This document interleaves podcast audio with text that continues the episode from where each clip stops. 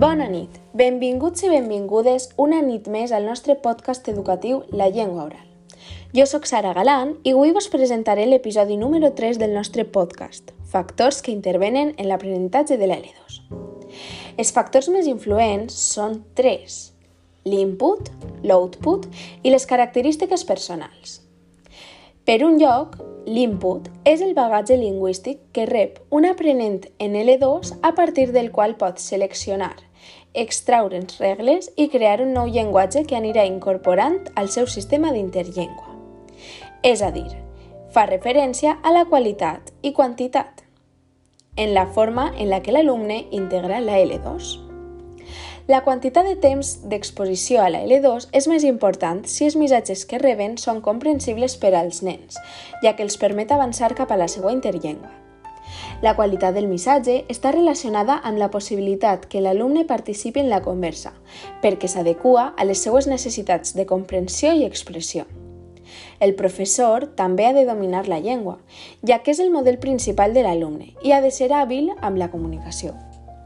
L'input és una construcció que integra regles de la LU de l'aprenent, regles també de la llengua que s'està aprenent en aquest moment, i regles que no pertanyen a cap de les dues llengües i que són producte del procés d'aprenentatge.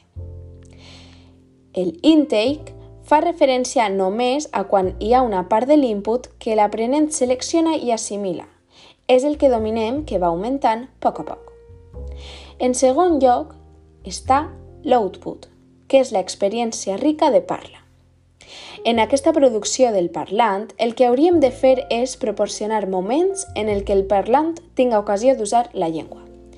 És el producte lingüístic que elabora l'aprenent a partir dels intakes que ha processat, és a dir, a partir de la quantitat del seu bagatge lingüístic que li ha oferit el mestre i que ha sigut capaç de processar.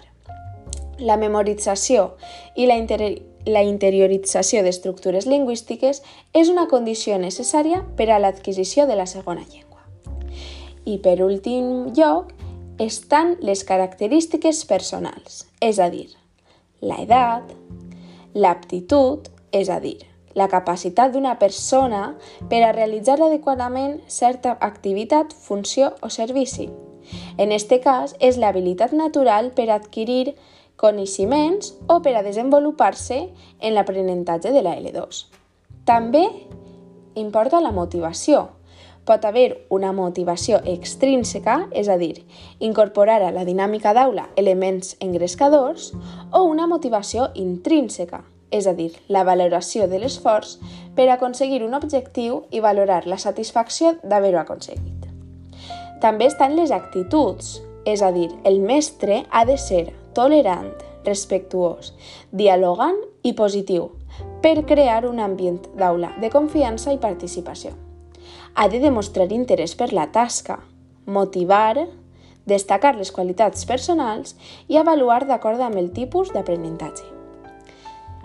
L'ús d'estratègies, és a dir, s'ha de partir de que l'alumne vol dir i això ha de ser la base del que dirà a continuació.